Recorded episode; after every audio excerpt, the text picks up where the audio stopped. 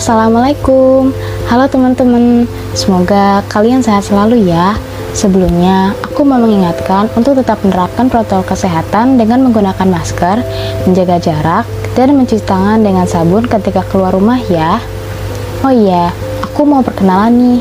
Nama aku Auli Ratna Karenisa dengan nomor akhir 264 dari Fakultas Kesehatan Masyarakat Universitas Diponegoro. Di mana kali ini aku bakal sharing mengenai anemia pada remaja dari mulai definisi hingga gimana sih cara kita khususnya remaja untuk mencegah anemia. Oke oke, sebelumnya teman-teman tahu nggak sih kalau anemia itu termasuk salah satu masalah gizi yang banyak terjadi di Indonesia loh.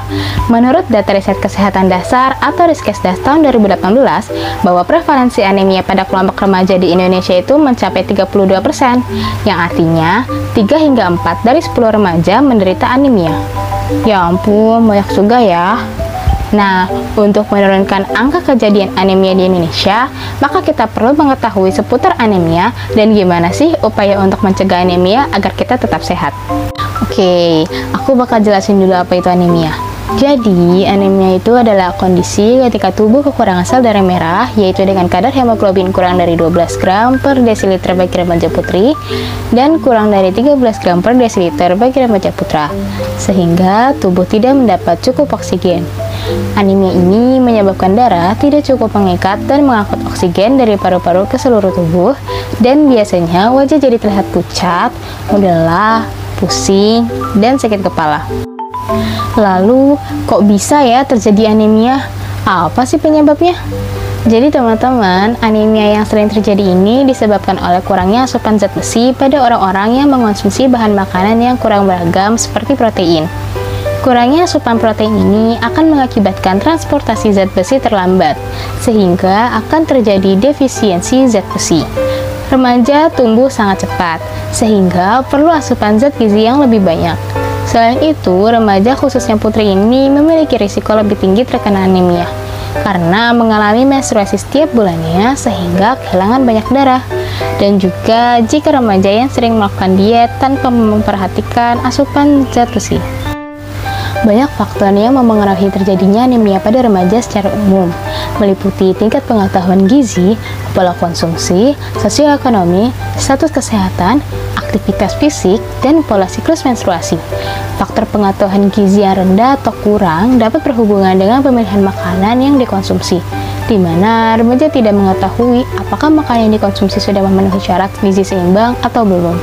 Dengan begitu, pentingnya intervensi lebih lanjut mengenai pemberian informasi yang lebih intensif mengenai pengetahuan gizi khususnya yang berkaitan dengan pedoman gizi seimbang.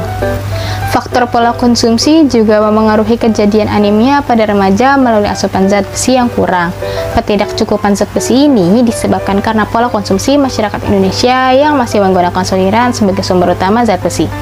Sayuran merupakan sumber zat gizi yang baik, sedangkan bahan-bahan hewani merupakan zat gizi yang baik tetapi jarang dikonsumsi terutama oleh masyarakat pedesaan. Padahal, bahan pangan hewani seperti daging, ayam, dan ikan memiliki kandungan zat besi yang juga tinggi.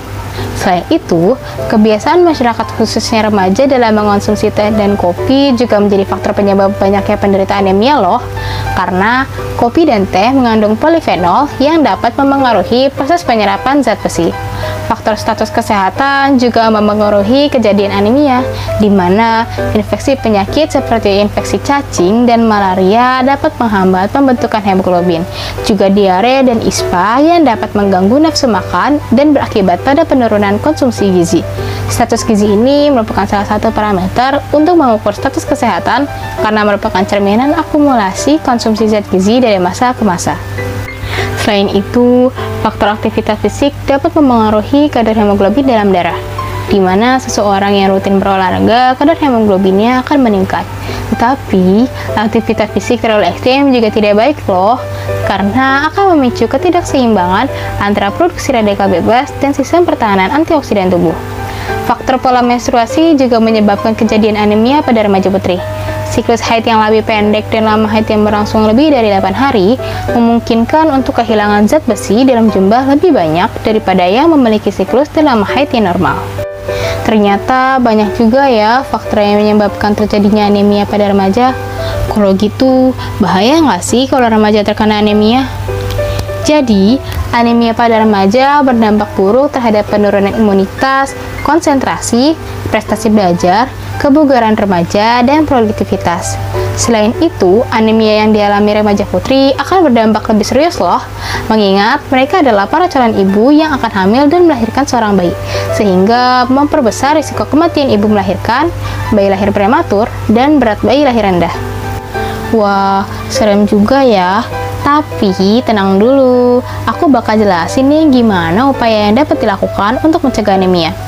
Jadi, untuk pencegahannya sendiri dengan memakan makanan bergizi seimbang, terutama makanan tinggi protein kayak zat besi. Jangan lupa juga untuk mengonsumsi buah dan sayur yang kaya vitamin C, E, dan A untuk membantu penyerapan zat besi dan membantu proses pembentukan hemoglobin. Selain itu, dengan melakukan aktivitas fisik, meminum air putih 8 gelas setiap hari, dan meminum tablet tambah darah. Oh iya teman-teman, jangan minum tablet tambah darah dengan teh susu atau kopi ya, karena itu akan menghambat penyerapan zat besi. Nah, gimana ya teman-teman? Jadi lebih tahu kan? Yuk tetap sehat dan cegah anemia, karena lebih baik mencegah daripada mengobati loh. Oh iya, Semoga ilmu ini bisa tersampaikan dengan baik dan bermanfaat buat teman-teman. Dan mohon maaf jika masih terdapat kekurangan di dalamnya. Sebelum berakhir, aku ada pantun nih buat teman-teman. Pergi ke Bekasi berempat camat, membeli vakum dan motor Vespa. Terima kasih, semoga bermanfaat. Wassalamualaikum dan sampai jumpa.